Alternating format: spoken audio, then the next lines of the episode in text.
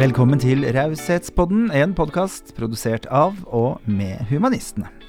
Humanistene gir deg unike seremonier til livets viktigste merkedager. Sjekk ut mer på humanistene.no. Mitt navn er Tore Petterson, og ukens gjest er kanskje mest kjent som sanger, men har også vist seg å ha talent som skuespiller og musikalartist. Sondre, eller Sondre Molungo Nystrøm, er født i Kenya, men vokste opp i Øyer i Gudbrandsdalen. Han startet eh, først på legestudiet, men bestemte seg plutselig for å bli artist. Med sine kenyanske røtter ble skoleårene en utfordrende tid, med mobbing og rasisme. Noe som endte med at han lukket seg inne i seg selv. Nå, mange år senere, har Sondre funnet tilbake til sin stemme og virkelig snudd noe vondt og vanskelig til noe kreativt, til livsglede og til talent. God fornøyelse. Da var det fredag, og Raushetspodden er eh, i gang igjen. I studio så har jeg denne gangen fått inn en mann. Jeg vil si mann, selv om du er eh, Jeg vil si du er midt mellom mann, Ja, og, er- mann og gutt. Ja.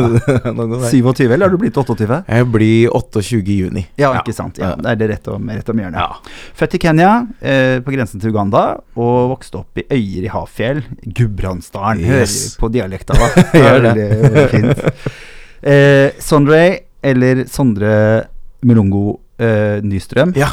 Eh, du er eh, en norsk sanger, låtskriver, skuespiller, danser. Tidligere sprinter. Ja. Du spiller på, på mange, mange strenger. ja, gjør vel kanskje det, for å si det sånn. Ja. Ja. Eh, du spilte Tony West Side Story. ja. På Chateau Neuf har jo vært en sånn uh, pangestart på en eller annen måte òg. Hvor er det Ja. liksom det starta? Uh, hva skal man si, liksom? Jeg tror liksom Hvis man skal tenke musikk, så er det sånn derre Alltid drive i musikken og vært aktiv der, men hvis man skal tenke karrieremessig og begynne å leve av det her, da, og frilanslivet, så var det vel øhm, i 2016 da jeg ble med i, i The Stream. Ja. Som var liksom Fikk platekontrakt plutselig med Sony. Eh, plutselig hadde du bookingselskap som kunne ta deg på eventer, festivaler og alt mulig rart. Og så ja, bestemmer man seg som en liten rebell og bare hopper av studiet og bare Nei, nå vil jeg tjene penger i stedet, liksom. Og så plutselig så ser man at man greier å bygge opp et renommé, og det holder seg litt flytende. Og flaks, da, Mm. vil jeg si. Så møtt på mye liksom av de rette personene på veien, om man kan si det på den måten, som har gjort at ting har holdt seg veldig flytende. Eh, hadde ikke mm, vært for den liksom Jeg tror også den sjansen jeg tok der i det øyeblikket, så hadde jeg nok ikke vært her i dag i det hele tatt. Nei, for du startet på et medisinstudie. Ja. Ja. Eh, og med en gang jeg egentlig hadde kommet inn liksom og gitt nyhetene til mutter'n og fatter'n, så sa jeg at jeg hopper av. Ja. Uh, da da, hvordan var stemninga da? Ja, det var dårlig stemning. Ja, det var veldig dårlig stemning. Jeg tror pappa skrek i telefonen 'du er ikke riktig klok' i bakgrunnen Du går fra det tryggeste kanskje i verden, det er jo ganske behov for leger, til uh, Ja, nei, trenger vi nye musikere? Vi gjør jo det hele tida. Ja. Trenger ny kultur. Trenger kultur hele Men det er en annen bransje. Det Det det. har jo vært ehm, Det har jo vært eh, Fikk du noe sånn told you so når koronaen kom? Jeg må si at jeg kjente på noe, en tyngde der som var litt vanskelig, men det var på en måte Det åpna igjen nye dører for meg, da.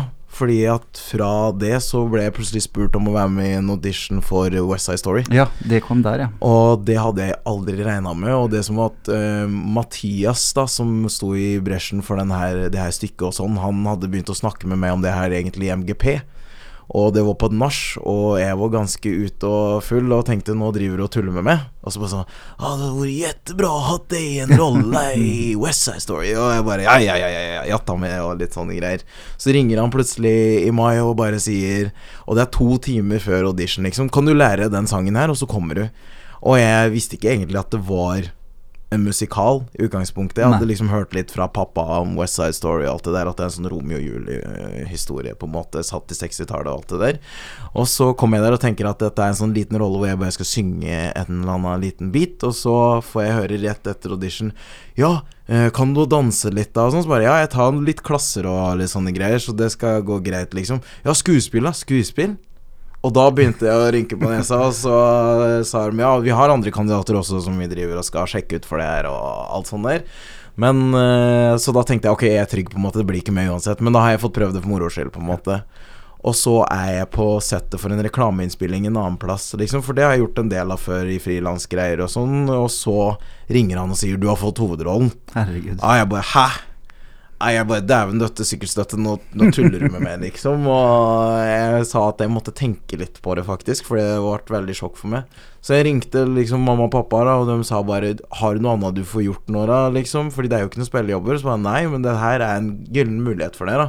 Så sa jeg ja, men det hadde jo heller vært artigere liksom med skuespill, skuespill til TV-serier, filmer og sånn. Så sa jeg ja, men det kan du få etterpå på grunn av det, liksom, mente de da.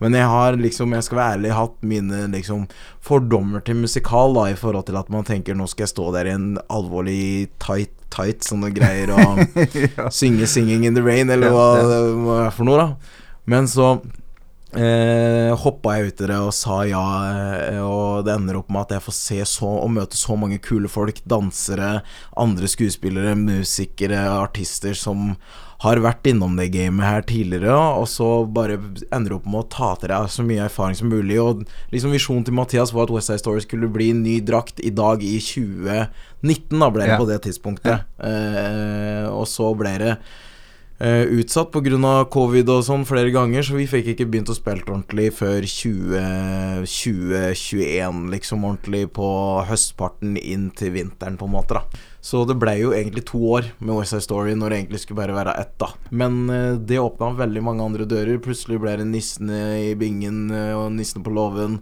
Andre greier som barne-TV, små andre TV-serier, dramaserier. Og plutselig så har man fått en tittel som skuespiller som man egentlig ikke har jo fortjent på noe som helst vis. Så Men du leverte jo godt der, da. Så da er det jo Takk, takk. en eller annen form for, for eh, at, at du fortjener det på en eller annen måte, da. At du leverer, og at du har en god arbeidsmoral. Det er kanskje det viktigste, tenker jeg. da At man er hyggelig å jobbe med. Veldig enig i det. Og at det, sant, det er gøy å ha deg med på sett, og, Ja. og at man er ja, hardt arbeidende. Ja. Tenker jeg sånn, Da kan man nå hvor man vil. Da. Definitivt. Ja. Det er noe med det, og jeg tror det det, er det jeg egentlig har fått banka inn fra mamma og pappa, liksom, siden jeg var liten guttunge, på en måte. Det var sånn Jeg var ikke den som var smartest i klassa, jeg var ikke den som var best på skolen eller noen ting, men mamma var veldig sånn derre Du må bare jobbe jevnt og trutt, jobb jevnt og trutt, og ikke spre negativ energi rundt deg, liksom. Og så skal du se at ting går bra, på en måte. Og plutselig så bare løsner ting, da. Så hva skal man si, den old school-moral, den har jeg veldig innabords. Den er fin å ha med. Ja.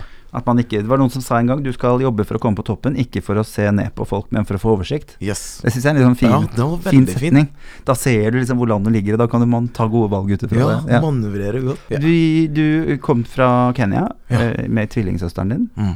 Mm. Driver hun med musikk? Du, hun har nok det veldig på superhobbybasis. Elsker karaoke og alt det greiene der. Men hun drev en periode med dans øh, og sånn, og tok litt klasser og slikt med det. Men øh, det skjedde et eller annet da hun bestemte seg for å liksom øh, bli førskolelærer. Da følte jeg at Eller hun følte i hvert fall at hun fant liksom sin indre brann liksom for unger. Ja. De blei liksom tiltrukket. De kom til hun liksom når hun er, Hvis jeg får en unge i fanget mitt, så begynner jeg å grine mer. Ja. Ja. Basically. Eh, når jeg, hun får det, så blir hun stille. Ja. Så det er et eller annet ro eller hun har i seg som bare gjør at det funker, og hun stortrives med det. Eh, nå skal det jo også være sagt sånn sett at eh, hvordan reisa vår blei i forhold til Da vi ble født, så skjedde det også ting der som gjorde at hun fikk en viss hjerneskade òg, som gjorde at det blei limiteringer i forhold til hva hun kan få gjort Nettopp. versus hva jeg kan få gjort. Men det er ikke sånn at du kan se det på hun så det er supersjeldent. Så det har på en måte gjort også at hun har måttet ta valg på andre måter enn det jeg kan gjøre. Så det er på en måte det kjipe med det. Men jeg tror hun har funnet en veldig ro med det, og vi snakker veldig åpent om det hele tida og sånn, så ja. Mm. Mm. Du, jeg leste et intervju eh, i, eh, gjennom Kirkens Bymisjon Mm. uh, om at ting har ikke bare vært, vært fint. Nei. Nei. um, og jeg har jeg kjenner jo litt til litt sånn historie med, med, med mobbing og sånn selv. Da. Han Mm. snakka, snakka mye om det. Jeg syns det var så fint. Bare så fint at du fronter det. Når man Ja, jeg, jeg har alltid vært veldig opptatt av at hvis du får et navn, så må du ha noe å si. Ja. Og Det opplever jeg mange i bransjen som er litt sånn Nei, det kan ikke jeg mene noe om, for jeg er en en offentlig person. Så jeg blir så glad når jeg hører andre også som har lyst til å mene noe om Ja. disse tingene her, da. Men jeg tenker det, har jo, det er jo pluss og minus med det, selvfølgelig. Eh, å ha motgang, liksom. Men ehm, du vokste opp på et lite sted. Ja.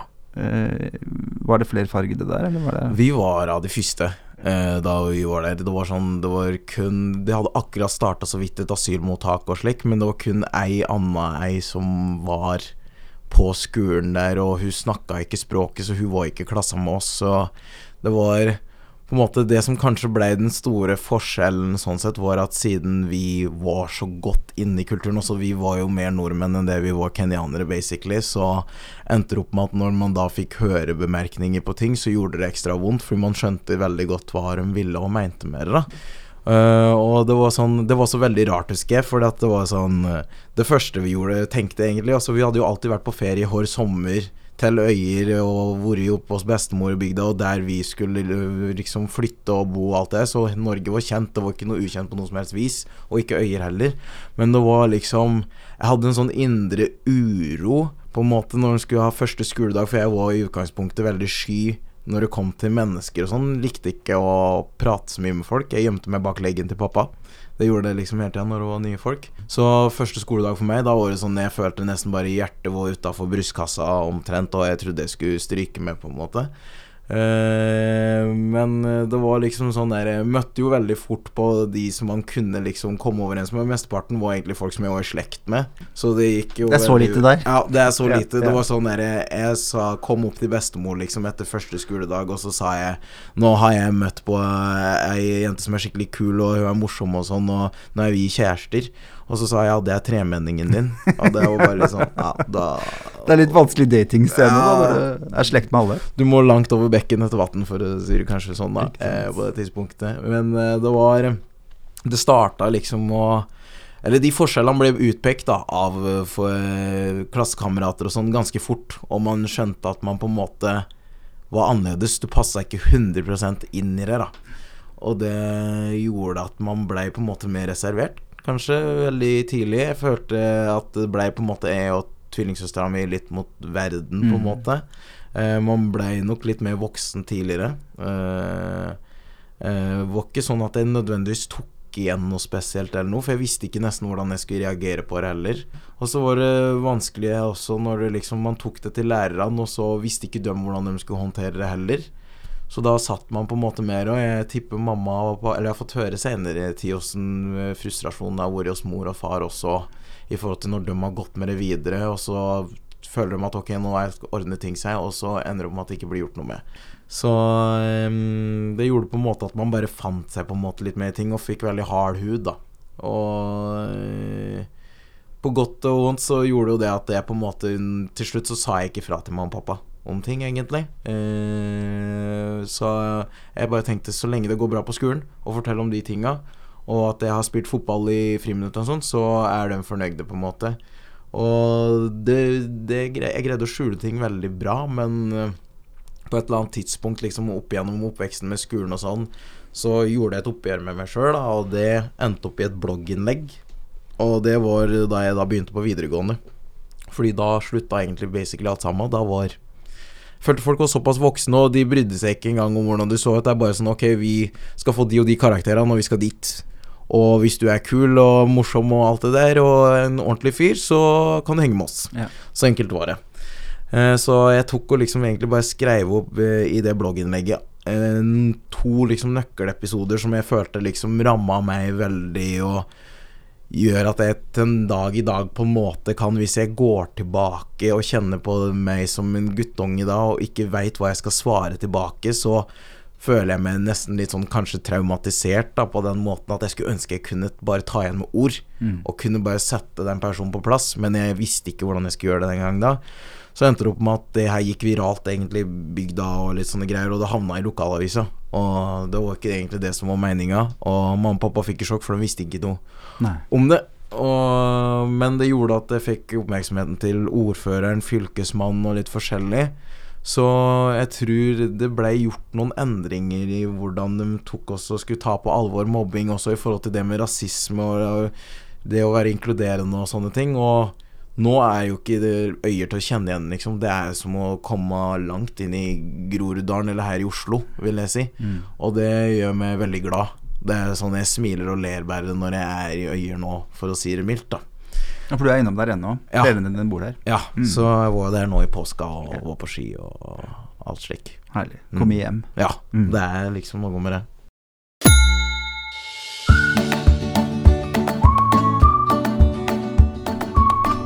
Visste du at mottoet til humanistene er et rausere samfunn?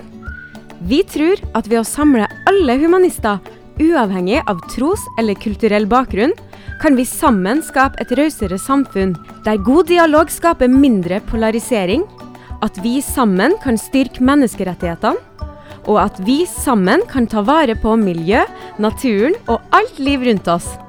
Du kan enkelt bli medlem i dag ved å gå inn på våre nettsider humanistene.no. Medlemskapet er gratis, og du er hjertelig velkommen til vår rause og inkluderende bevegelse.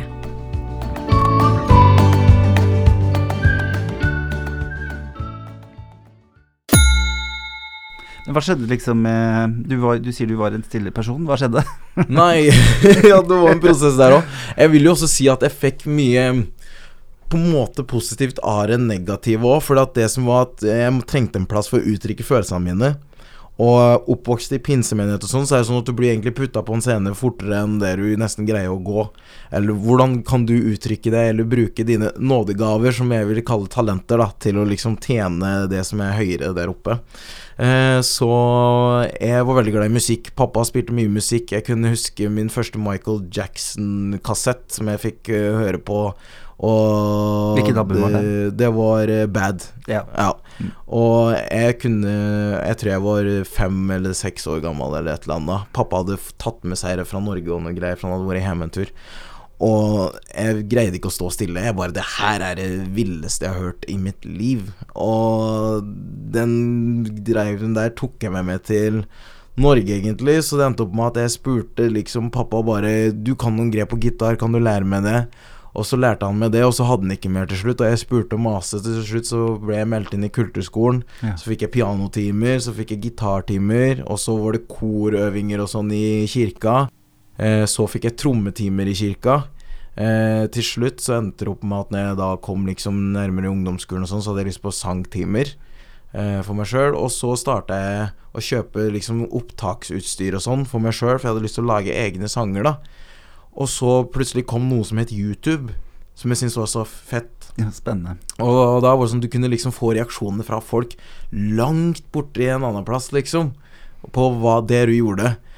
Og det ender opp med at jeg var så veldig glad. Jeg hadde hørt mye på Oasis, Beatles og sånn, så jeg bare la ut min første, det var Wonderwall, liksom, yeah, yeah. og putta ut den. Og så plutselig bare Ja, etter to måneder så hadde jeg fått 1000 views, liksom, og ti Det er mye, kommentarer. det, Det syntes jeg var kult, Ja, ja, ja, da, liksom, var helt rått, og følte meg som en stjerne, liksom. Og så begynte jeg å skjønne at du, jo mer du covrer kjente låter som liksom er i vinden akkurat nå, jo mer få- uh, seertall får du og slik, da. Og da endte det opp med at egentlig det første talentshowet jeg ble med på, var UKM. Ja. Så, Ungdommens kulturmønstring. Ja, Mm. ungdommens kulturmønstring. Så kom vi liksom helt til fylkesmønstringa, og så syns jeg det var artig. Og så la jeg det ikke noe ifra meg, for jeg så jo på det som en hobby, og det var liksom sånn det hadde blitt. Og så når man skulle begynne å velge videregående og slikt, da, så prøvde jeg for moro skyld, fordi ei nabojente som jeg bodde ved siden av, hun hadde søkt på noe som het Kongshaug videregående. Og det er som musikkvideregående for utøvende kunstnere og litt slik. Men jeg hadde gjort det bak ryggen til mamma og pappa, og så tenkte jeg jo ikke på at uh, det kommer jo et brev i posten på om du har kommet inn eller ei. Så mamma, som henta posten, liksom, skreik jo i forfarelse 'Skal du flytte til Bergen?' Og jeg bare 'Hæ?' Hva er det snakk om, liksom? For jeg hadde glemt det, liksom. Søkt for to måneder siden, alt, og jeg var helt inne i noe annet. Og så ble det en sånn lang prat med mamma og pappa, og så endte det opp med at jeg slo det ifra meg. Og de, det var ikke sånn at de prøvde å snakke meg bort ifra det, men de sa at da begynner du å få studielån allerede nå på videregående. Jeg trodde du skulle gå studiespes for du hadde lyst til å bli lege og alt sånn. Men da begynte den indre kampen i meg å skje allerede der, da. At det er noe mer jeg vil med den musikken her, men jeg veit ikke hva. Og da drev jeg med sprint samtidig, og jeg tenkte jeg skulle bli neste Usain Bolt, så det liksom gikk greit, så jeg la det ifra meg. Men når jeg da endte opp med å skulle flytte til Oslo, og det var blitt sommer det året da jeg skulle flytte, så ringer noen fra sånn castingbyrå for X-Faktor, og jeg tror det var siste året eller noe. Og det var så artig, for det var det året som både Jonas Benjob, Gabrielle og Atle Pettersen var med.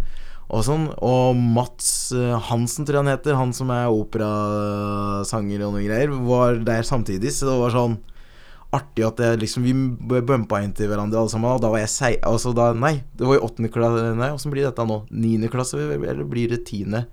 Tiende klasse, faktisk, ikke videregående, for da var jeg 16 år. Så da møtte jeg på Jonas Benjob, som nå er på Universal, altså, når vi connecta og alt sånt der, og jeg skjønte ikke noen ting om hvordan vi skulle ende opp seinere på hver vår kant, men få det til bra, liksom. Og så ga det meg litt sånn mersmak, men jeg var redd kameraer, så jeg syntes at det var ikke noe for meg. Så etter det så la jeg det fra meg helt til The Stream kom, og det var i 2016. Ja. Og da var jeg i Oslo. Og da hadde jeg fått tatt opp fag. Jeg hadde fått tatt årsstudium i psykologi og fått poengene mine og kom inn på medisin. Så da var det sånn at da dælja den bomba på mamma og pappa, og de skjønte ikke hva jeg drev med, rett og slett. Uh, og det var liksom Da begynte egentlig den reisa for meg å finne meg sjøl. Uh, før det så tror jeg, vil jeg si at jeg var ikke med. Jeg dreiv egentlig og gleda andre ja. på en måte. Ja. Sånn sett. Og Du var den som var forventa der, liksom? Ja, mm. det var liksom sånn Det var forventa at jeg skulle bli da lege sånn sett, og så tror jeg nok også de tenkte du kommer til å ta over huset, og da kan du bli fastlege her i øyet, for det trengs det massevis av. Ja. Og sånn, men så Jeg har alltid vært glad i spenning. Eh, liker å se og bare hoppe ut, og så veit du ikke når fallskjermen egentlig kommer til å gå av, men den kommer til å gå av en gang. Men det føles som at du faller som et uvær i starten. Eh, så på det tidspunktet så var jeg også forlova. Da jeg liksom tok det valget, og det falt ikke helt i god jord at jeg gjorde de valgene der. Og jeg fant ut at dette var ikke partneren jeg skulle dele resten av livet mitt sammen med heller. Så det ble gjort veldig store omveltninger da, på veldig kort tid.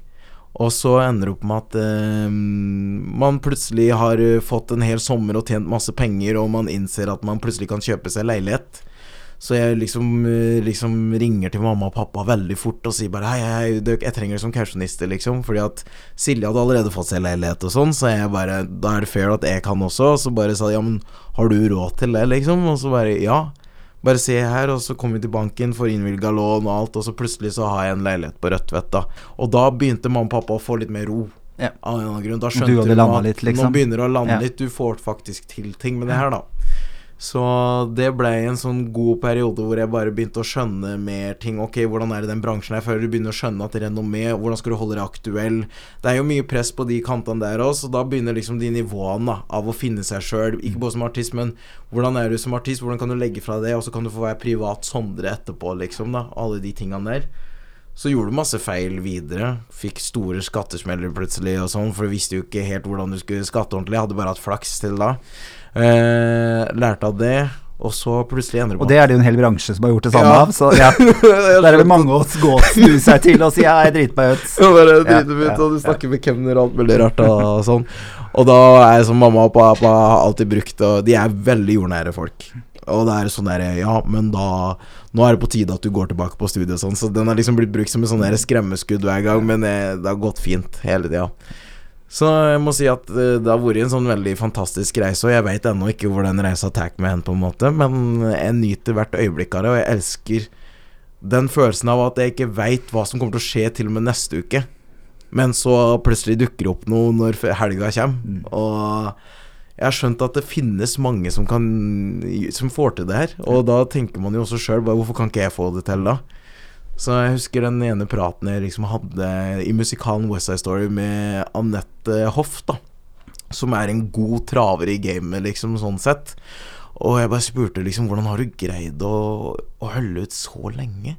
Liksom å få det til, for det er helt rått, liksom. Mm. Og hun sier bare nei, jeg, jeg veit ikke, liksom. Men det, det, jeg har visst, på en måte, er at det her er det jeg vil gjøre. Jeg kan ikke gjøre noe annet. Nei. Jeg passer ikke inn i den flokken der hvor du skal bare gå til jobb og starte da, avslutte da, og så skal du kun leve for helga. Det, er bare, det greier ikke, liksom, og det er jeg kjent på sjøl, for jeg passer ikke inn med det. Det, liksom, det blir kjedelig prat. Så da er det deilig å bare vite at man finner sine folk, liksom, og det ender opp med å bli frilansfolk som man er med, på en måte. Og så plutselig lager man jobber for hverandre, og det blir en sånn synergigreie. Og selv når korona kommer, så greier man på et eller annet vis å komme seg gjennom det. Mm. Så Tenker nok at mange artister kjente på det. At uh, det der med livestreaming og at Det var jo snakk om en bransje som snur seg fort, da. Veldig fort. Ikke sant? Og klarer å gripe ut en hånd og bare gi kanskje i blinde det òg. Bare si liksom Yes. Du kan noe om nettet, jeg kan noe om musikk. Vi gjør noe. Gjorde Yes. du masse? Ble det masse liveting på, på nett for deg? Jeg gjorde en del livestreams. Jeg gjorde fem-seks livestreams-konserter og litt sånne greier, så det var jo veldig gøy. Men det endte opp med at jeg jeg gikk nok mer mot det. Jeg endte opp med dubbing og av alt fra barnefilmer til forskjellig til at det ble skuespill.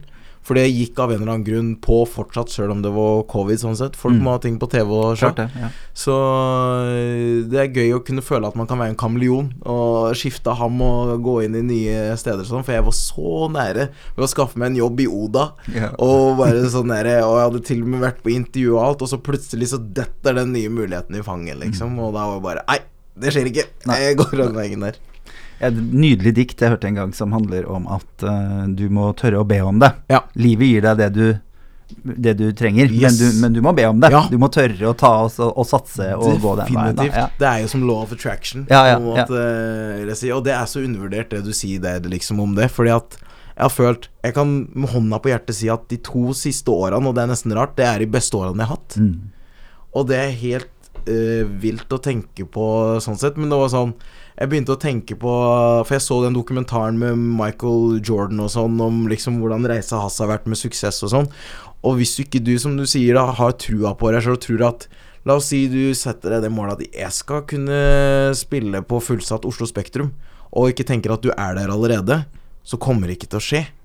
Så jeg begynte å liksom sette ut eh, mål og tanker og skrive ned, og hver dag bare si det til meg sjøl, og plutselig så var det der, da. Og det er utrolig gøy, den der tankekrafta å på en måte være i det. Det er nesten en sånn der ja, hva skal man si, meditasjon som man bare konstant er inni, på en måte. Og så Det er noe som heter 'ikke kle deg for den jobben du har, kle deg for den jobben du vil ha'. Yes. Det er også en sånn mindset-tankegang, tenker Veldig. jeg. Sånn der, eh, Nei, nei, jeg skal på toppen. Så det er, eh, det er superstjerne. Ja. Så, og jeg har hatt en sånn Livet mitt er ofte vært litt sånn at jeg når kanskje ikke helt det jeg vil, Ja. men, men eh, ofte 50% men Ja. ofte liksom 60-70 Ja. Så jeg tenker, da må jeg jo sette skyhøye krav. Altså, ikke sant? Jeg skal jo til månen, for da kommer jeg kanskje til Stavanger, i hvert fall. Det er noe med å, noe med å, å, å tørre å tro, da. Å tørre å håpe. Mm. For at det er sånn, om man ikke kommer helt på topp Det er det som du sier, liksom. Om du ikke kommer helt 100% opp på toppen der, da. Men la oss si du får de 70-80 da plutselig, så er det mye. Ja. Det er utrolig Og i hvert fall hvis veien dit er gøy. Ja. Ja. For det liker jeg jo med din historie. Den kjenner jeg litt igjen i også. Mm. Jeg skulle det, Ja. men herregud så mye gøy som har skjedd på veien. Ja. Og kanskje jeg ikke har kommet helt dit ennå, men, mm. men fordi du har våget å si ja til, til den musikalen, du har våget å bli eh, dubber, Ja. våget å gjøre skuespilltingene, være med i seriene. Så er det det som på en måte fyller livet ditt plutselig. Da. Og da er det sånn Ja, jeg kan fortsatt drive med musikk, Ja. men i Men mellomtiden er- gjør jeg alle disse gøye tingene. Ja. Som også gjør deg sikkert til en bedre mus musiker. da, Ja, for jeg jeg tenker liksom sånn eh, Det var sånn som Childish Gambino, han ble spurt i et intervju, liksom bare Hva er det du er for noe? Er du artist? Er du skuespiller? Er du regissør? Eller er du komponist? Så sa han Ja, men jeg er alle de tinga i ett. Jeg er en artist. Jeg liker å skape ting. Jeg liker å være kreativ. Og derfor syns jeg det begrepet er så fantastisk, på en måte, fordi at jeg føler de som kanskje da Som hører på, eller liker å se på det vi skaper, eh, de eh, syns at det er digg å putte ting inn i en boks. Så da skjønner man ok, du er det. Ja. Og da er det enkelt og greit. Men for oss som er kreative, så er det så mye mer enn bare den ene tingen. Det er så mye vi liker å være innom, for ellers så blir ting kjedelig for oss. Ja. Det blir utrolig kjedelig hvis du bare kun skal sitte her med podden. Mm. Det er ikke like gøy. Hvis man plutselig kan da være host for TV-program et år òg, så sier man gjerne ja til det, liksom. Eller et halvt år, eller whatever, og så er det til det neste greia. Og det var det jeg tror jeg tenkte for min del, at nå har jeg sjansen. For det er nå eller aldri, på en måte. Og nå har jeg fått så blod på tanna at da vil man bare dælje av gårde, liksom. Fantastisk. Mm. Herlig. Du nevnte litt om at du har en uh, gudstro. Du har vokst opp uh, i misjonsfamilie. Ja. Eh, men jeg har også lyst til at du anser deg selv som en liberal troende. Ja, definitivt. Det må jeg si. Det er liksom Jeg syns mamma og pappa er veldig fantastiske i forhold til det, på en måte. Fordi at Det De må aldri tvinge meg til å gå i kirka eller noe på det viset. Og det er sånn, jeg går ikke veldig ofte i kirka sånn sett. Jeg føler liksom Tro det er så mye mer enn at du skal være i en bygning og ting skal være der. Og jeg skal være ærlig, det er ikke for å snakke ned på noe, men jeg har sett alvorlig mye stygt innafor de eh, bygga der. Eh, nesten mer enn det nesten man ser utafor. Eh, Det blir veldig synlig når det er et lite miljø også. ja, Mm. veldig. Mm. Eh, og for min del så er det på en måte det at gudstro, det er for meg mer at det handler om ok, kjærlighet, hvordan du er mot andre. Det er, det er på en måte essensen av det hele. Og at jeg håper på at det fins noe videre etter at man er ferdig her, hvor jeg kan få møte de samme som jeg har fått møtt her nede, Nettopp. basically. Det er ikke Men du det tror på et liv etter døden? Ja, det gjør jeg. Ja. Uh, så, sånn som jeg har det oppi huet, det er ikke nødvendigvis slik det er. Det veit jeg ikke. Det er din Mm, sannhet nå? Det er min sannhet, og sånn er det på en måte. Jeg syns det har vært veldig gøy f.eks. når jeg har fått møte og snakke med venner som snakker mye om f.eks. buddhisme, eller hva det måtte være, mu- muse, altså islam. Det er så mye likheter at jeg begynner å tenke Altså, jeg begynner å tenke, men jeg har bare eh, slått meg til ro med at alt det her må ha vært dette en dag. Ja. Det kommer fra en eller annen plass, et, liksom, fordi at det er for mye likt her, på en måte. Og så tenker jeg uansett så tror jeg det kommer fra riktig, det samme ja, stedet det er i folk. det. Og behovet Ja. du har for, for å eie en, en eller annen form for livssyn eller tro, da. Mm. Definitivt. Mm. Så føler jeg heller på en måte på vei enn det som kan bli feil i det, da. Mm. Eh, og vanskelig det er jo på en måte at vi som mennesker når vi begynner å blande inn våre egne ting i det, og setter at dette her er et Sånn skal vi leve da for at man skal oppnå det og det da, så begynner feila å komme. Fordi at vi er mennesker. Vi, vi feiler som bare det, og vi skal ikke begynne å og når man skal begynne å dømme andre for alle mulige slags rare ting, da Jeg syns det blir komisk, på en måte. Jeg føler da er vi tilbake i barnehagen. Det er din sannhet. Liksom. Ja, Ja. så Det var det som eh, trakk meg veldig til humanistene, da. Det er Mm. jo de som har denne podkasten. Eh, vi har jo tros, troshumanister og Ja. hinduistiske humanister, og at, at, vi, at vi er humanister. Ikke sant? På en måte, Vi tror på mennesker, og vi liker godhet. Ja. Og så får du tro på dine, Ja. dine ting, og jeg tror på mine ting. Og Yes. Det er noe med å forenes om den som jeg liker så godt, den tankegangen der. Veldig. Ja. Veldig. Mm. Og da kan man plutselig ha venner i alle mulige Ja. Eh, andre troer, og fordi vi, mø Yes. vi møtes om en innmari viktig ting. Og det er jo det der ikke-dømmende menneskesynet, da. Yes. Ja. Ellers så blir det snevert, og da Ja. tenker jeg at da blir det kjedelig liv. Eh, Veldig. ja, det er noe med det, så jeg vil ikke si at jeg har Hva skal man si, da? Jeg liker ikke å si at jeg er pinsevenn eller noen ting lenger. Det er sånn det egentlig har utvikla seg for meg. Jeg liker bare å si at jeg har en tro. Så enkelt er det på en måte. For eh, ellers så tror jeg på en måte ikke Jeg tror kanskje man kan måte ende opp med å skremme litt folk, og så blir man også litt kanskje forhåndsdømt, da. På en måte. Og det jeg kan på en måte forstå det, på en måte, men da når jeg begynner å fortelle mer om hva det er for meg, For jeg er ikke noe redd for å snakke om tro i det hele tatt. Det er sånn det, det er bare at jeg føler ikke at jeg har noe behov for å snakke om det. Skjer det, så skjer det. Ja. Så sånn er det bare. Mm. Mm. En av spørsmålene som jeg stiller fast i denne podkasten, er jo hva brenner du aller mest for akkurat nå? Du har jo vært litt sånn inne på det, men er det liksom Har du, eh, har du en sånn kampsak som du jobber mye med, eller som du kanskje skulle ønske du kunne jobbet mer for, liksom? Ja. En eller annen sånn uh, jeg har tenkt mye på den der, og så har jeg egentlig endt opp med å sett at den reisa har jeg gått Jeg har egentlig alltid vært på den reisa mot det målet med hva jeg brenner for, hele tida, men litt i blinde, med litt sånn skyggelapper, og så har man ikke skjønt helt at man er midt oppi det. Eh, men som for eksempel nå, så er det sånn at jeg skal debutere på norsk, og så begynte jeg å tenke på For at det er noe med når du går på norsk, så blir det så nakent. Mm. Og at det er så skummelt. For da forstår alle sammen hva du snakker om. Ja. Uh, og da var det for meg Hva er det jeg har lyst til med musikken da? En ting er å lage de der clubbangers og alt det der, men eh, jeg begynte på en låt som het 'Adoptert'. Og så plutselig så blei det en ny tittel på en annen låt som heter 'De kan ikke se'. Og ikke en av oss. Og da begynte det å bli Jeg har lyst til å være den stemmen for folk som føler at jeg passer ikke inn. Ja. Og det er sånn, jeg tror alle kjenner på det, at de føler at det ikke passer inn. Om det så er hudfarge, legning, tro, at man føler at man ikke eh, kan gå med de samme klærne som alle andre, man føler alle andre gjør det, eller hva det måtte være for noe, da.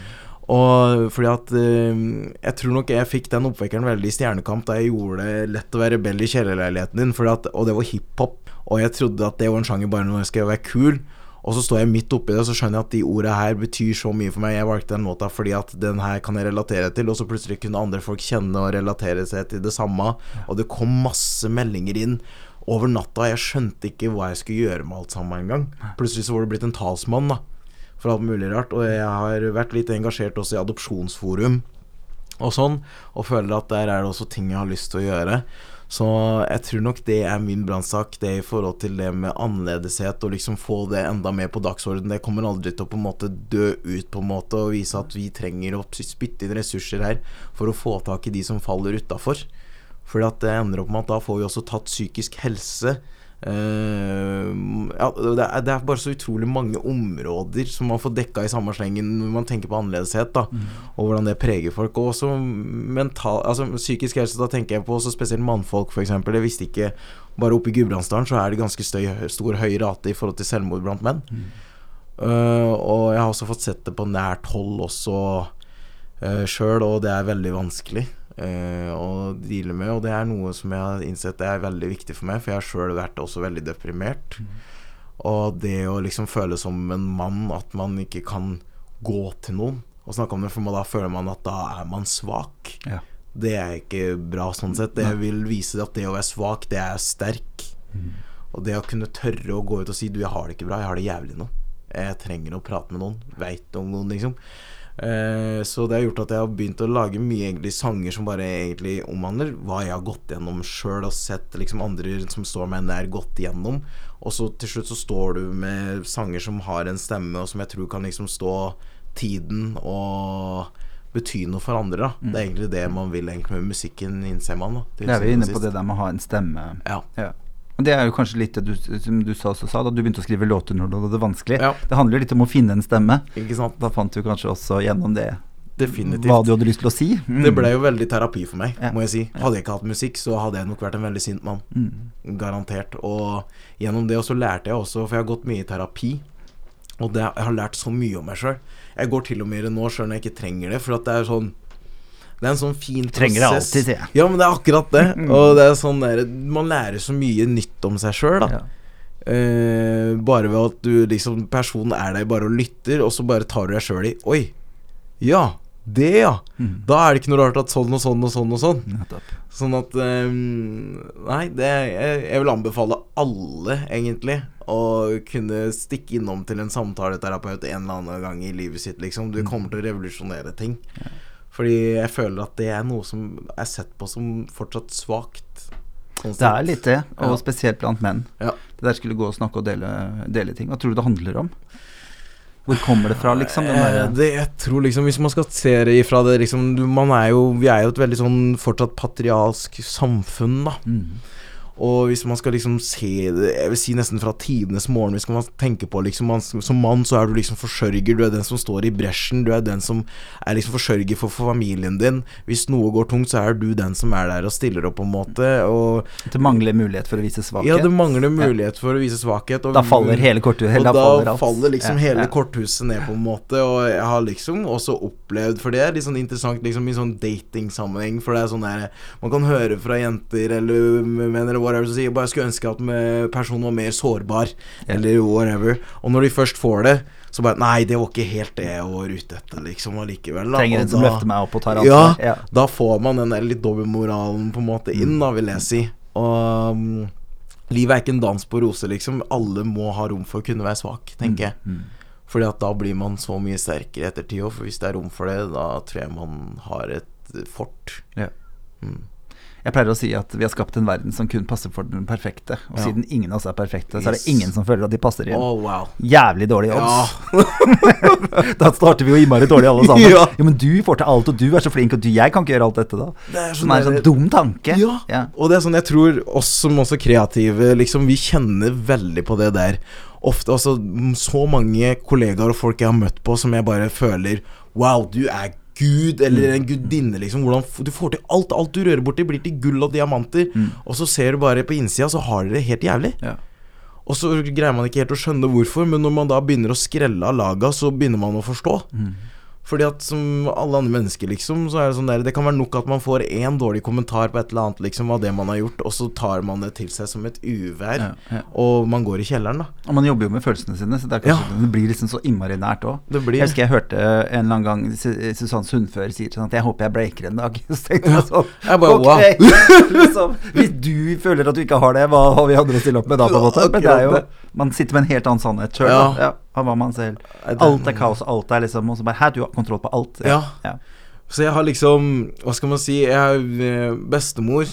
Det var så rart. Hun, hun, eh, hun snakka på det der med at For jeg sa bare Du er veldig lykkelig nå om dagen. Og det var sånn mot slutten sånn, så føltes det som at hun var veldig fornøyd med alt. Og så bare sa Så sa jeg bare offer det, liksom. Det er jo også ting som er negativt rundt her, og ting og tang og sånn og sånn.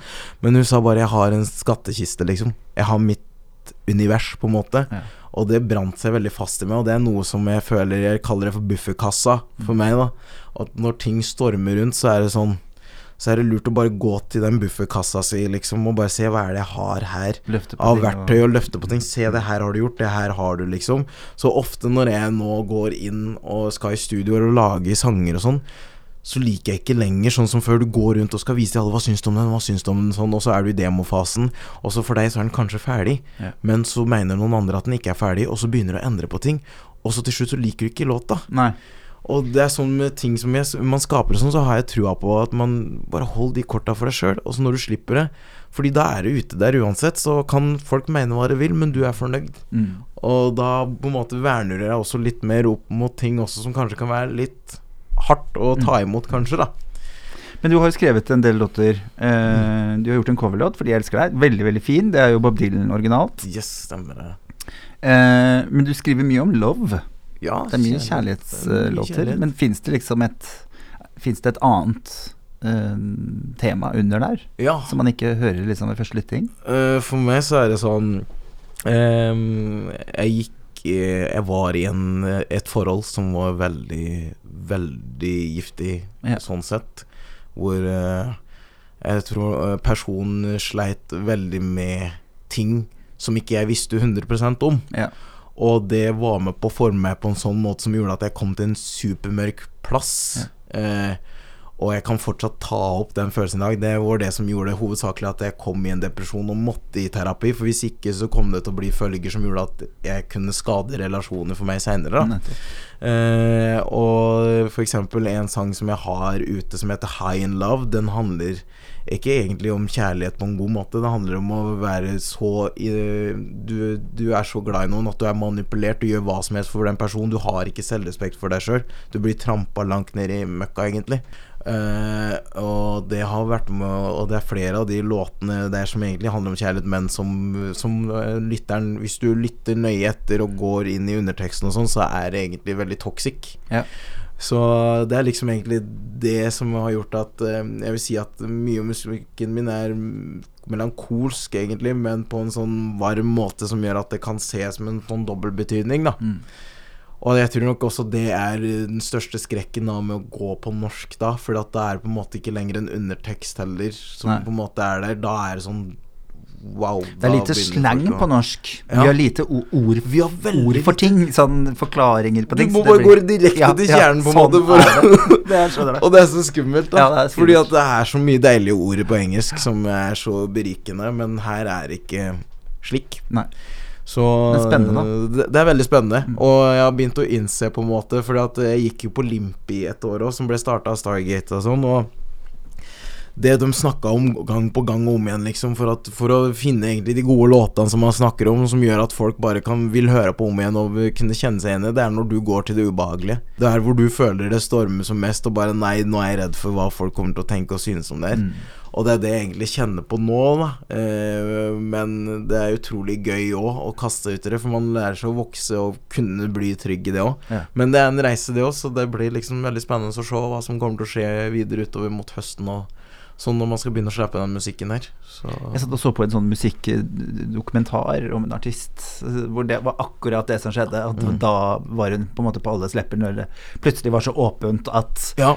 nå bare legger jeg alle såra mine foran deg. Yes. Liksom, dette er alt som gjør vondt inni Ja. meg. da Og tenkte sånn, har jeg gått for langt nå? Ja. Og folk var sånn slukte det. det var sånn takk. For det er det jeg Grunnen til at jeg er så opptatt av musikk, er jo akkurat det. At jeg liker at noen sier det jeg ikke klarer å si med ord, da. Mm. Det er definitivt det, og det er sånn Ja, man som vi som mennesker, det er det som jeg syns er kanskje veldig rart. Men man tenker det er ingen andre som går gjennom det jeg går gjennom nå. Nei. Ingen. Og fortsatt nå derfor, Grunnen til at jeg er redd nå, er fordi at jeg tror det er ingen som går gjennom det jeg går nå. Og jeg sier her nå at det er mange som går gjennom det jeg går gjennom nå. Og jeg tror på en måte det er også det som kanskje skiller oss kreat veldig kreative folk, som ender opp med at vi satser 100% på det, versus de som ikke vil gjøre det, kanskje. For jeg tror alle er kreative. Jeg har endt opp med å ha hatt veldig morsomme sessions hvor jeg har tatt folk som jeg har hatt og jobba i musikal med, som jeg kun danser, vil jeg si i utgangspunktet, tatt inn i session som låtskriver, eller plutselig sanger, og så kommer det noe helt magisk ut. Ja. Fordi at da plutselig kommer den sårbarheten. Fordi at det er bare Jeg greier ikke mer enn det, akkurat det her, men akkurat det her er nok. Mer enn nok. Er mer enn nok i massevis, og da kommer det helt vidunderlige ting. Mm. Og da blir det nært, da. Ja. Fordi man kjenner på den sårbarheten på et eller annet vis. Det er noe som alle greier å identifisere på et eller annet vis med musikk, og det syns jeg er det fantastiske. Mm. Å finne den der sårbarheten, det er det som er liksom den juvelen Ja. ja, Men tror du dette kommer av du, du har jo sagt at du har snakket med din, en del av dine ja, mobbere, eller jeg vet ikke hva du velger å, å kalle det for, Mm. liksom, men at at det, Har det vært en del av den reisen òg, liksom? At de har fortalt om ting som har vært kjipt i deres liv, og det der med å Ja, definitivt. åpner øynene dine Jeg tror litt liksom man får Fordi da føler jeg Nå kommer vi inn på det med det spørsmålet du også sendte til meg på melding med hva er raushet for deg, da. ja. Det er ikke mange gangene jeg har tatt igjen. Jeg skal ikke si jeg er perfekt, jeg har tatt igjen. Jeg endte opp med å bli fysisk eh, på et eller annet tidspunkt også. Men de gangene hvor jeg har virkelig tenkt at nei, jeg skal ikke gjøre det, fordi at det kan hende at den personen gjør det her også fordi det er et eller annet de går gjennom, så de trenger et, ø, å ta ut sin frustrasjon på et eller annet vis, og de velger å gjøre det på den måten. Selv om det er dritkjipt, så gjør dere sånn. Så har jeg da plutselig funnet i seinere tid, sjøl om jeg ikke har sagt noe, liksom, og spurt hvorfor gjør du det du gjør, på en måte, at fattern drikker og slår mamma, Mm. eller sånn og sånn og sånn. Og så har de kommet og sagt det i seinere tid, fordi jeg har plutselig sett meg på TV og så bare sagt sorry. Fordi at jeg tok det ut på deg på den måten, det hadde egentlig ingenting med at du ser ut sånn som du gjør i det hele tatt. Eh, og da plutselig får du en helt ny connection til folk, liksom, og så er det deilig å bare kjenne at du slipper sinne plutselig, og alt. Det er ikke sånn at du, du ser på den personen helt annerledes, da. Ja. Uh, og det, jeg tror den rausheten der, den kan kanskje sitte langt inne hos mange. Og jeg kan forstå det godt, Fordi at det er jo ikke rettferdig. Men på en måte Hvis ingen velger å være the bigger person uh, oppi det, så tror jeg vi hadde vært langt inne i tredje verdenskrig for lenge siden, selv om det pågår litt nå, for å si det på den måten. Men det er da- kanskje der det har feila i mange land, da. Ja. At det ikke har vært i den utviklingen. Norge, Vi er jo heldige i Norge, Veldig. fordi vi har jo hatt en, en utvikling Definitivt. mye, mye. Det er mye igjen, men, Ja. men det, for veldig mange av oss så, så har det vært en reise. For det, er sånn Det er en ting som jeg syns Hvis man skal liksom ta oss og snakke om eh, noe som jeg syns er fortsatt det store, den store elefanten i rommet, da Hvis man skal snakke om rasisme og sånn, så er det sånn Um, Jeg syns Black Lives Matters-movementen var kjempefin, liksom. Det var uh, veldig bra, liksom, og sånn. Men det var jo også på en måte en reaksjon som toppa seg av det som skjedde med George Floyd og I Can't Breathe-greiene som skjedde i USA. Og det syntes var viktig for meg å liksom få frem i det òg, var bare at vi er ikke USA. Det er jeg kjempeglad for. Mm. Vi har ikke sånn at hvis du blir stoppa av politi, så er det sånn at du er redd for at du kan plutselig miste livet ditt. Eh, det er, de er fortsatt langt tilbake i tid, liksom. Det, den slaverimentaliteten, eller hva man skal si der, den ligger så bakt inn, på en måte, fordi at hele landet er bygd på det. Ja. Så at det gjør at vi Det er ikke mulig nesten å komme seg unna det, på en måte. Men her er det heldigvis annerledes. Her er det Hva skal man si, på en måte? Her vil jeg si at det bare handler mer om Jeg vil si Hvis man skal gå inn i kjernen, så handler det mye mer om et 60-årsuttrykk eller et ord som på en måte er egentlig dødd ut for lenge siden, og så har det blitt tatt opp fordi at det har blitt en trend fordi man tar det fra USA. Ja, ja.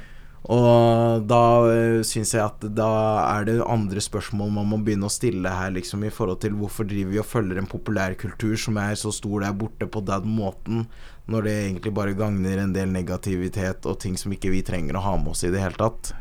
Så det er interessante spørsmål som ikke jeg sitter med noe svar på i det hele tatt. Ja. Men, uh, Men hva slags- ja. Hva slags tanker har du i forhold til ord? ja. Uh, jeg hadde en, uh, podkastgjest sist som snakket om eh, Som, som var en transperson. Og jeg Mhm. husker som homo så var jeg veldig opptatt av at det ikke skulle være homoseksuell. For for Ja. meg var det mer enn en seksualitet. Um, og det er jo en del som sier at det er liksom krenkefest og ikke sant? Det er alle disse her eh, Man har jo et N-ord som Ja. man selvfølgelig ikke bruker. Mm. eh, fordi det ligger masse, masse negative ting i det. Men, men um, jeg syns jo for Min far sendte Ja. meg en melding og sa Hei, Tore, hva syns vi Han pleier å spørre meg hva, Ja. hva skal vi mene om dette. Ja. og det liker jeg at han gjør. Han er Ja. 75 år. Ikke sant? Eh, Så istedenfor å, å bare mene noe om dette, så kan jeg få høre noen argumenter på dette. Og da var det mela, eh, melatoninrik som han sendte, for det var første gang han hørte. ikke sant? Så jeg tenkte oi, shit, skal vi gå dit? eh, og for meg så var det jo sånn at i det, mens Altså i en tid der homofili eh, Det fantes jo ingen Ingen eh, også politiregister på Ja. skeiv vold, f.eks. Ja. eksempel Ikke sant? Eh, det var, kirken ville ikke vie eh, Mm. homofile. Altså det var en del sånne ting. Da, Yes. da ble jo ordene veldig viktige for meg. Ja. Men i det øyeblikket jeg fikk rettighetene, Ja. da ble jeg litt mer sånn fuck it, kan man hva du vil. Ja. Så eh, hva slags tanker har du rundt det derre eh, For jeg, jeg kan kjenne at jeg blir eh, At jeg kan bli stresset av det. Ja. At jeg er redd, jeg redd for å si, si krenkende ord, fordi det er så langt unna min personlighet Ja. og, på noen som helst måte. Også fordi jeg har opplevd det jeg har gjort. Ikke sant? Eh, Jeg syns jo f.eks. nigresse var noe det, altså det er Ja. det fineste komplimentet jeg kan gi til noen Ja. ever, fordi at jeg syns det er så vakkert. Ikke sant? Eh, Men så skjønner jeg sånn Oi, shit, det her er ikke Ikke sant? Eller Mm. for eksempel Hvor kommer du fra egentlig? Ja. Spørsmålet som Ikke sant? Og der kommer de der som spørsmålene er som, veldig, gjør sånn veldig vanskelig, fordi for meg kommer du av kjærlighet og interesse. Ja. Ikke sant? Og jeg liker jo at folk spør meg hvor Ja. kommer du fra egentlig. Ja. Sånn at det er noe med Men hva, hva er dine tanker på For meg så var det sånn derre jeg, jeg tok et sånn derre oppgjør, eller det er sånn oppgjør som jeg føler man tar opp med seg sjøl hele tida, på en måte. Men for meg så var det liksom sånn derre hvor du kommer fra og sånn, så var det sånn derre Jeg tok også ga alltid sånn dobbeltsvar, så syns jeg bare fordi Jeg ble irritert fordi jeg syntes det var slitsomt. Ja, ja. Bare sånn derre Jeg kommer fra Øyer, og så bare Ja, men hvor er du egentlig fra? Kenya. Uh, greit, liksom. Så var det sånn derre Kan jo ikke bare gå rett til the chase, cut right to the chase liksom med en gang, og alt det der? Men uh, det er på en måte det er, det er måten det blir spurt på, da, tror jeg, liksom, som man kan merke. Det er sånn derre Hvis du spør meg «Mm, Hvor kommer du fra, egentlig? Så er det en forskjell på det. Så en, hvis du spør uh, Hvis noen sier 'Hvor er du fra?' Og så bare 'Jeg er fra Øyer', så sier man det først. Ja, men du er svart, hvor er du fra, liksom? Og så på en måte blir det påpekt kanskje på en sånn måte hvor man føler at det er Hva skal man si, en slags fiendtlighet? Jeg vet ikke helt hva man skal si men man, det er en slags energi Ja, man merker som er veldig annerledes, da. På en måte i, når det blir spurt om. For jeg har prøvd måte. sånn Hvor er din kulturelle bakgrunn? Ja. Nei, kulturell, det er fortsatt øyer, ikke sant? Mm. Eh, så- Sånn at eh, Hvor er familien din fra? Så bare, nei, de er født i øyer, de. Ja. Det er noe med det, Ja, Jeg syns det er en vanskelig jeg, ting. jeg sånn derre Og jeg har fått ganske klar beskjed om at bare sånn, hvis jeg ikke vil svare på det, så svarer jeg ikke. Og da, får jeg, da blir jeg redd. Ja. Da Men jeg sånn, skjønner den veldig godt, venner, liksom. nå blir jeg stressa. Ja. Jeg har liksom sånn der likt å si Jeg spør bare si Hvis du vil prøve å føle da, Nå skal ikke jeg være en talsmann for alle, for det er det man Nei, føler nei, man blir. på en måte. deg, ja. Men for meg så er det sånn Hva er, hva er røttene dine? Mm. Og sånn. Så er det sånn der Ja, det er Kenya, liksom, men oppvokst i øyet, liksom, og hele pakka der og alt sånn. Om noen spør meg hvor jeg er fra, så svarer jeg bare med dobbelt med alt sammen med en gang, så har man fått ut av veien. Fordi at jeg føler ikke Det som jeg føler er blitt trenden i dag, og det som jeg syns også er skummelt med alt, er at folk blir Man blir super så hårsår. Det ender opp med at det blir så eh, Man skal være så politisk korrekt til slutt, på et nivå som gjør at ting som egentlig ikke har med at noe, vært noe vondt i det hele tatt, blir vondt. Mm. Og da begynner jeg å få liksom faresignaler og alarmer og sånn. Så for eksempel ord som meg som neger, negresse og alt det der, så er det sånn derre eh, I dag så er det sånn jeg tenker bare ja, Sier noen det, så greit nok, whatever, det er det de er vant til, på en måte. Men da sier jeg til personen Du, jeg er ikke vant med det, for jeg liker ikke å bli kalt det. Og så bare sier jeg det sånn som det er. Jeg vet at du vet, mener sikkert ikke noe vondt med det, men da vet du hvor du har meg, sånn at vi slipper å få noen klinsjer eller noe som er unødvendig. Jeg digger det fortsatt. Jeg tror ikke du er en rasist eller whatever. Men du vet jo litt om personen, tenker jeg da. Ja, jeg tror, tenker at du jeg, Hvis du først begynner å dra den, så håper jeg du vet veit godt det- hvem jeg er, på en måte. Du skal være litt chummy, på en måte. Google it, skal du si. Ja, det kan du Google begynne å gjøre nå. Hvor er du fra egentlig? Google it. Ja. Det var enkelt og greit. Ja, ja, ja. Hvis du er så interessert i Ja. hvem jeg er, så kan du google meg. Fordi man har jo også det andre spørsmålet som også blir stilt opp, og så jeg føler også er reelt, på en måte, for det har jeg slitt med sjøl. Det er bare sånn Ja, men dere bruker jo det innad, plutselig. Mm. Og så sier jeg ja, men jeg bruker bruker ikke innad. Jeg bruker ikke det med noen andre. Det For at jeg ikke- forbinder det med Det har jeg blitt kalt på en stygg måte hele min oppvekst. på en Og det er også en veldig amerikansk kultur. Ja, det er superamerikansk. Det har vi tatt fra der. Det har vi aldri brukt her i Norge. Nei. Men så er det også fordi at man har også subkulturer. Og hvis man tenker eh, østkanten, f.eks., så har det blitt brukt som en egen subkultur på den måten, for det har de catcha derfra, på en måte sånn sett, fra USA. Eh, sånn at eh, Jeg sier ikke at det på en måte betyr at det er en utvikling i negativ retning, eller hva det er, men det er på en måte sånn skjer når du ser større populærkultur, og man føler Ja, vi er av samme folk og sånn, men jeg kan ende opp med at jeg, når jeg møter på folk som liksom Man er fra samme kontinent, bare 'Halla, broren min, hva skjer?' liksom, og Ja, det er er visse- brukt. det er kjempemye brukt, på en måte, og sånn. Og så kan du høre 'Halla, svarting, hva skjer?' liksom, og alt det der. Og i starten så var jeg sånn der Jeg hørte en som kom og sa 'Halla, bror, hva skjer?' Jeg sa 'Jeg er ikke broren din'. Nei. Det var det første jeg reagerte med, liksom. Bare 'Hva skjer her?' Og han ble sånn derre dus, som han sier på ja, og han bare wow, wow, hva skjer, liksom? Det er bare kjærlighet, liksom. Og han ble satt ut, liksom, og kjente det i samme situasjon sånn som du kan kjenne det på en annen måte. Sånn, og jeg bare skjønte at ja, men det er sånn lingoen er. Det er forskjellige subkulturer, og det er sånn Da må du ta din stand på din måte. Ok, enten så vil du være en del av det og kan godta det, eller så må du si og være veldig tydelig klar på at dette her liker jeg ikke. Så når du snakker med meg, så henvender du deg til meg på den måten, på en måte. Basically, da. Og det har jeg vært veldig tydelig og klar på, i hvert fall i Med mine som har eh, flerkulturell bakgrunn og sånn, bare det, det kaller du ikke meg, liksom, bare så du veit det. For jeg føler at du har ikke respekt for meg da, for at som sagt, jeg har prøvd å lese meg veldig mye opp på det ordet, og det, det dukker opp mer negative assosiasjoner enn positive. For at jeg føler på en måte at da ser ikke du meg som person. Nei. Jeg vil at du skal se meg som Sondre. Så det er egentlig bare det det egentlig handler om. Mm. Men eh, jeg har opplevd bare Når jeg har vært ute på byen plutselig, så er det noe som skyter inn en fra sida, liksom, og det er liksom endt med hat, men det ender opp med at jeg bare ler og sånn. Bare ok, du er full, du får gå og gjøre videre, og de forventer en reaksjon, så får du ikke en reaksjon. Så det bare bouncer off, på en måte. Det er liksom hvor mye skal du gi ord makt, Nettopp. også til syvende og sist. Ja. Og når du begynner å finne ut og knekke den koden, skal jeg si, mm. så betyr det ingenting til slutt. Jeg lærte at uh, ingen ord kan såre deg hvis ikke du har et sår her fra før. Ja. Men jeg tenker at eh, akkurat det der Det at du har gått i terapi, det at du har tatt et oppgjør med din fortid, da, Mm. har hjulpet deg langt på den veien her. Definitivt. At hvis det ordet eller disse ordene hadde gjort deg vondt på en eller annen måte, men så lenge man finner en stolthet i hvem Mm. Ja. jeg er, Mm. så er det ingen ord som kan såre meg lenger. Og det ble viktig for meg etter hvert. Da. Ja. At jeg, altså, jeg blir irritert når folk sier sånn Du kan jo gå med denne boaen, Tore, fordi det er homo. Så bare sånn, Ja. Ja, for det går jeg med hele Ikke tida. Fordi man hører det så ofte. Det er jo litt det det handler om. Mm. Og så handler det om respekt for mennesker og deres behov Ja. og deres historie. Mm. Noen har kommet så langt, noen har kommet så langt. Yes. Og det handler ikke om å komme lengst, men det handler om hvor man er, da. Yes. Ja. Veldig. Du, vi skal eh, avslutte med å trekke en lapp Ja.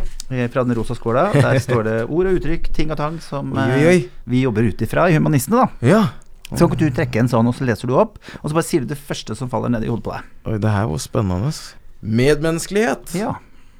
Ja, øh, jeg følte vi deisa innom det i stad nesten, jeg, liksom, men øh, det første som dukker opp hos meg da, er jo et annet ord, og det er jo respekt. Uh, å kunne se forbi det du kanskje ser med øya, og hører med øra dine. Eh, fordi jeg føler liksom Og det er jo sånn vi er egentlig lagd òg, fordi at vi mennesker er sosiale vesener, og for å fortest mulig føle at du skal passe inn, så lager vi skjemaer Ja. for ting. Og der kommer jo stereotypier fra, alt mulig rart. Men når man da putter inn det ordet medmenneskelighet, så føler jeg ok, nå må du jobbe på dypere nivå, både kognitivt og også gå liksom runder med deg sjøl, før du i det hele tatt bestemmer deg for å handle ut ifra det du har tenkt å handle ut fra. For da er det plutselig, når du går på et dypere nivå, og du ser kanskje dypere på en person, så er det ikke bare at det er to veier som du kan gå, men da er det kanskje ti veier. Ja. Fordi at vi mennesker er komplekse. Og det syns jeg det er interessant. Mm, det ordet. fint. Ja. Jeg hadde en gjest i podden, Kristin Valstad, som eh, trakk ordet respekt. Ja. Og fortalte meg, jeg visste ikke det, men respektare, Mm. eh, som er et latinsk ord, betyr se igjen. Mm. Det likte jeg. Mm. Og det var akkurat det du sa nå. Wow. Det å se om igjen. Du Ja. brukte akkurat det ordet. Ja. Så det syns jeg var veldig, veldig fint. Det er akkurat det det handler om, faktisk. Og det er det det ordet betyr. Du, eh, jeg kaller deg Sondre, for Ja. nå føler jeg vi er blitt litt, eh, litt er kjent. vi blitt kjent. Tusen takk for at du ville komme innom og dele historien din. Takk for at jeg fikk komme. Og bare jeg sier break leg, for lykke til, sier vi ikke, i denne bransjen med alt du skal gjøre. Jeg gleder meg til å følge med. I like måte. Du har hørt på Raushetspodden, en podkast produsert av og med Humanistene. Vil du vite mer om Humanistene, stikk inn på humanistene.no. Mitt navn er Tore Petterson. Tusen, tusen takk for at du hørte på. Håper du får en deilig helg.